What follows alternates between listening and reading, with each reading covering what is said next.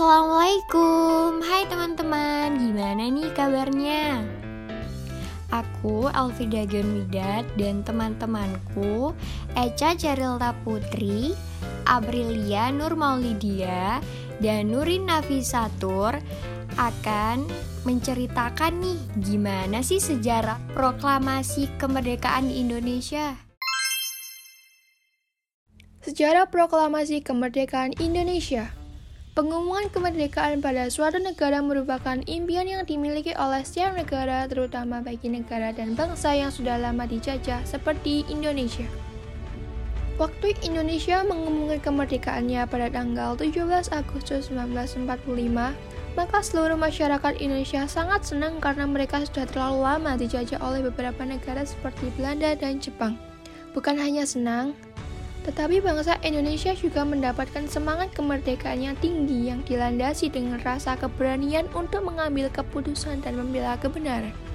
Dengan pengumuman proklamasi kemerdekaan Indonesia pada dunia, maka Indonesia telah dinyatakan sebagai negara baru yang memiliki kedudukan yang sama dengan negara-negara lain yang sudah melakukan proklamasi kemerdekaan.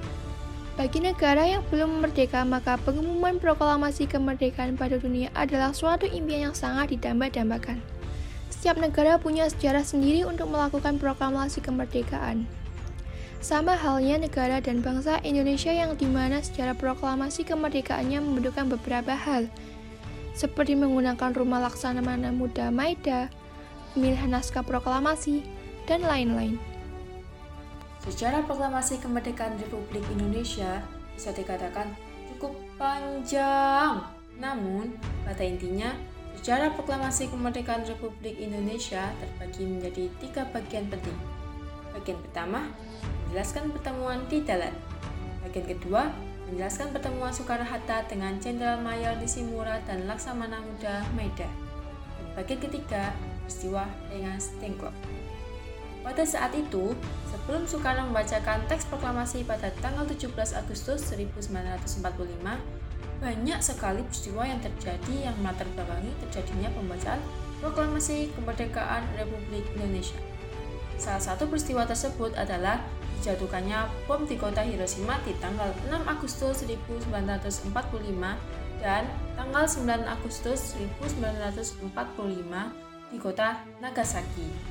Semua bom tersebut dijatuhkan di Amerika dengan tujuan Jepang menyerah kepada Amerika Serikat. Pada momen kekosongan kekuasaan inilah Indonesia tidak menyanyiakan kesempatan untuk memproklamasikan kemerdekaannya. Pada saat penyebaran teks proklamasi, yaitu setelah peristiwa proklamasi kemerdekaan Indonesia, terjadi suatu kendala atau masalah utama yaitu menyampaikan penyebaran berita atau informasi kemerdekaan Indonesia ke seluruh wilayah Indonesia dan dunia. Pada tahun 1945, alat komunikasi masih sangat terbatas dan belum memadai. Bukan hanya itu, Jepang juga melarang Indonesia untuk menyebarkan berita proklamasi ke seluruh wilayah Indonesia. Larangan tersebut menjadi salah satu faktor yang menyebabkan berita proklamasi terlambat sampai ke beberapa daerah, khususnya daerah di luar Jawa. Penyebaran berita proklamasi kemerdekaan penuh dengan perjuangan. Salah satu orang yang berjasa dalam penyebaran berita proklamasi kemerdekaan yaitu Yusuf Ronodipuro. Ia membuat pemancar radio baru setelah kantor berita Domei disegel dan karyawannya dilarang masuk.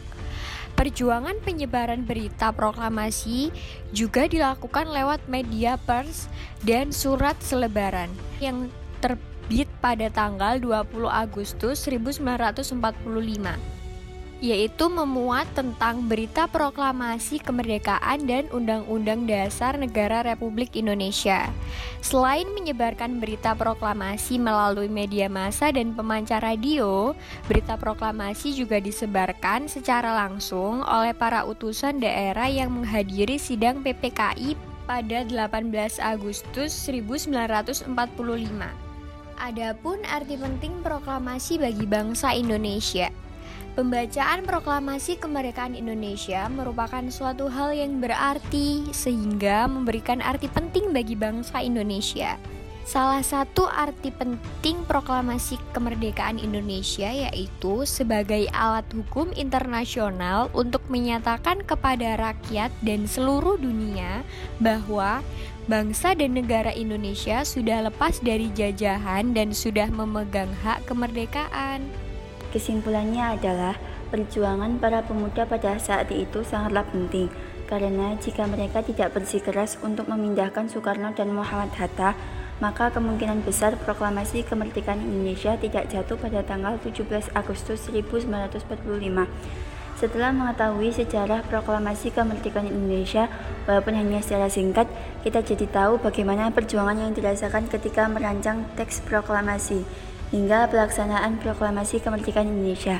Hingga saat ini, walaupun Hari Kemerdekaan Indonesia sudah terlewati, jasa para pahlawan dan pengalaman mereka memperjuangkan Hari Kemerdekaan yang jatuh tepat pada tanggal 17 Agustus 1945 tetap terasa hingga sekarang.